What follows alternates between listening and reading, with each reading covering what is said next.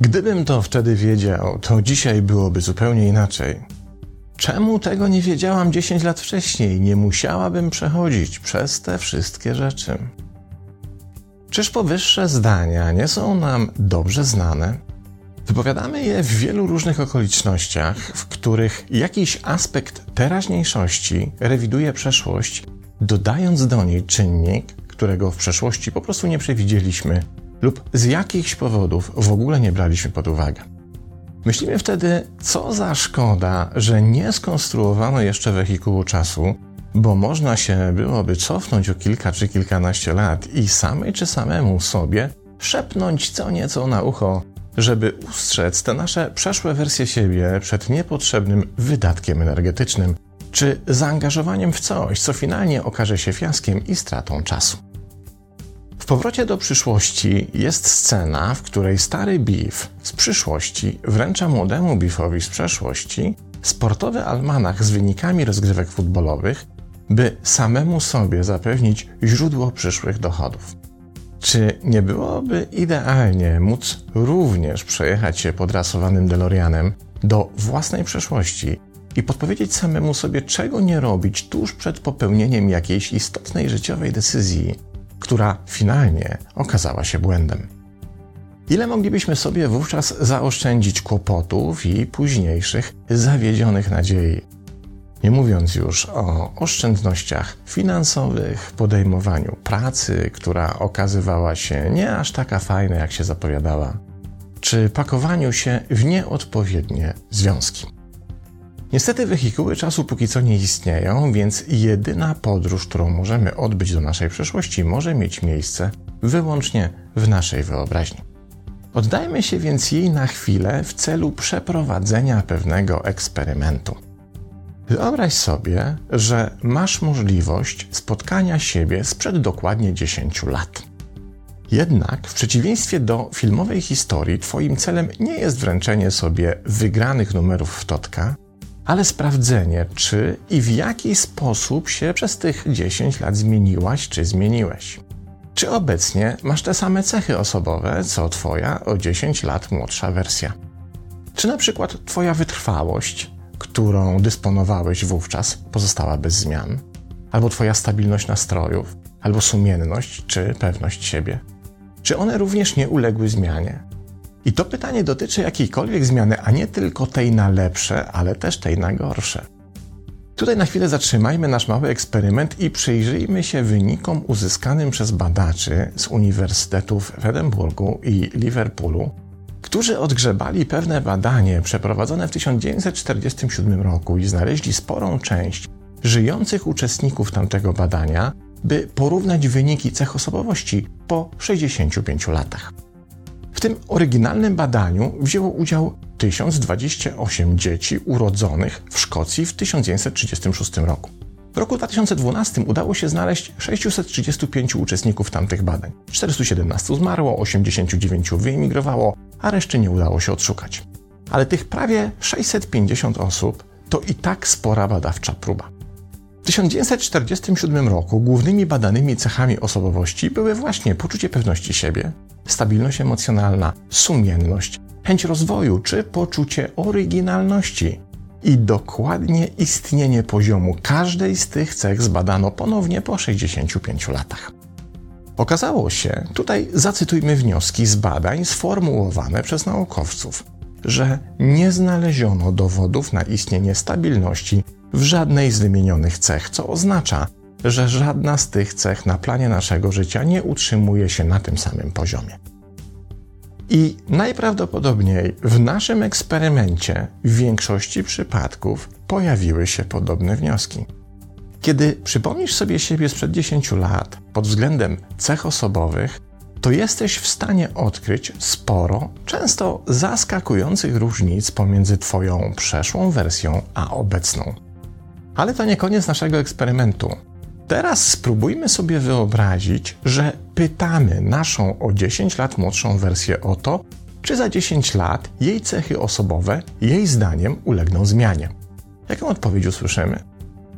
Psycholog z Harvardu Daniel Gilbert nie ma co do tego najmniejszych wątpliwości. Wskazuje on na istnienie efektu iluzji końca historii, w którym o ile jesteśmy w stanie dostrzec różnice pomiędzy samymi sobą z przeszłości, kiedy oddamy się refleksji popatrzenia na nasze życie wstecz, o tyle już, kiedy nasze przeszłe wersje miałyby popatrzeć w swoją przyszłość, czyli na to, kim się staną, będąc nami obecnie, nie są w stanie dostrzec żadnych większych zmian pomiędzy swoim obecnym życiem a wizją siebie za na przykład dekadę.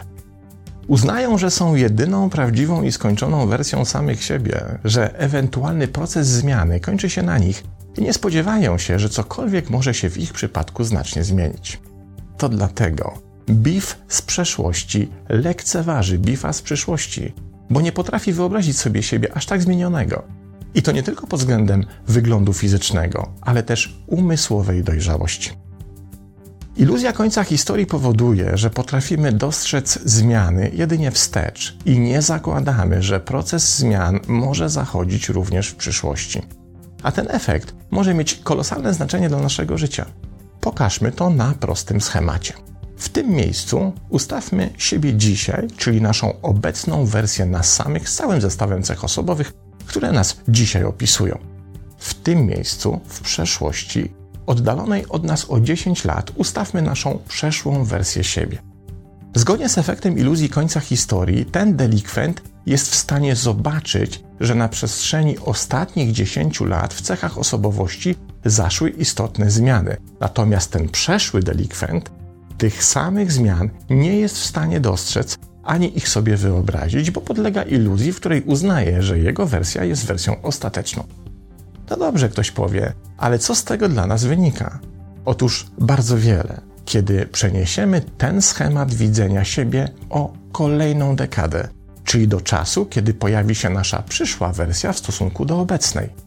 Oznacza to, że teraz my jesteśmy delikwentem, który uznaje, że jest wersją ostateczną i ma spore trudności z tym, by uświadomić sobie, jak bardzo się może jeszcze zmienić.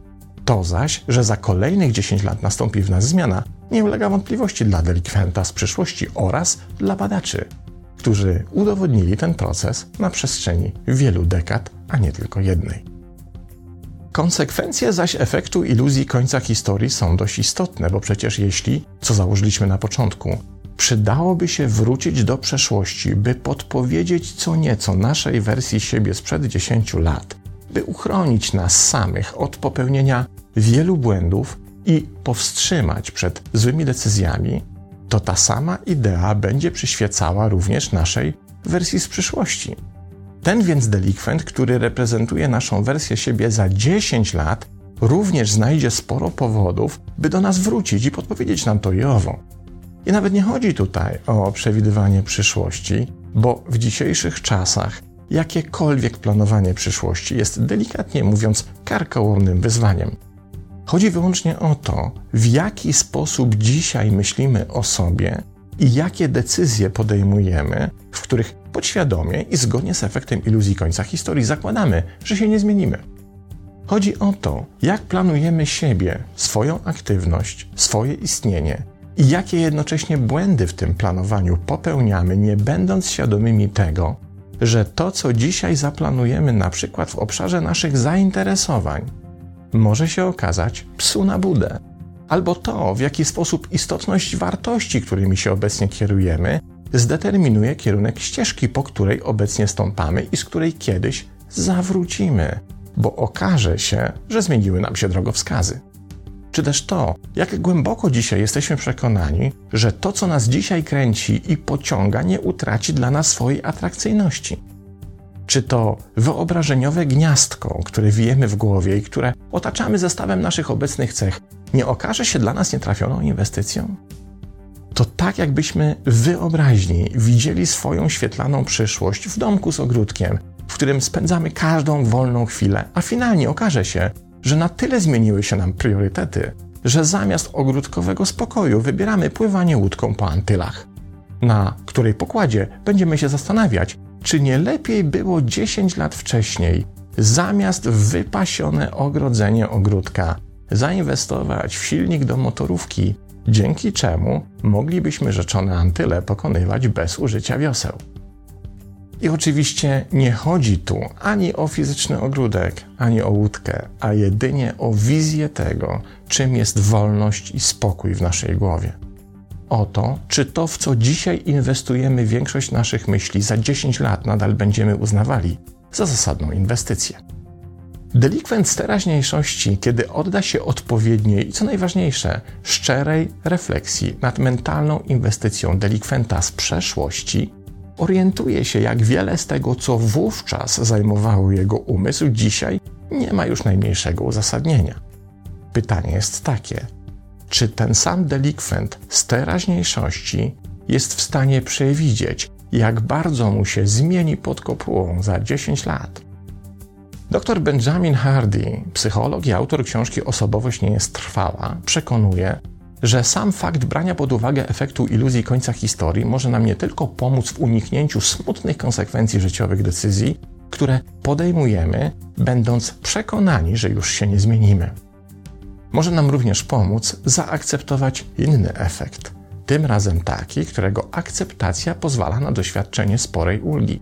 Ten efekt Hardy nazywa radością bycia w błędzie zgodnie z którym po prostu bez najmniejszej napinki przyjmujemy, że zamiast udowadniać przed samymi sobą nasze obecne ja, lepiej jest przyjąć, że jest przejściowe i uloczne i niespecjalnie się do niego przyzwyczajać. Pozdrawiam.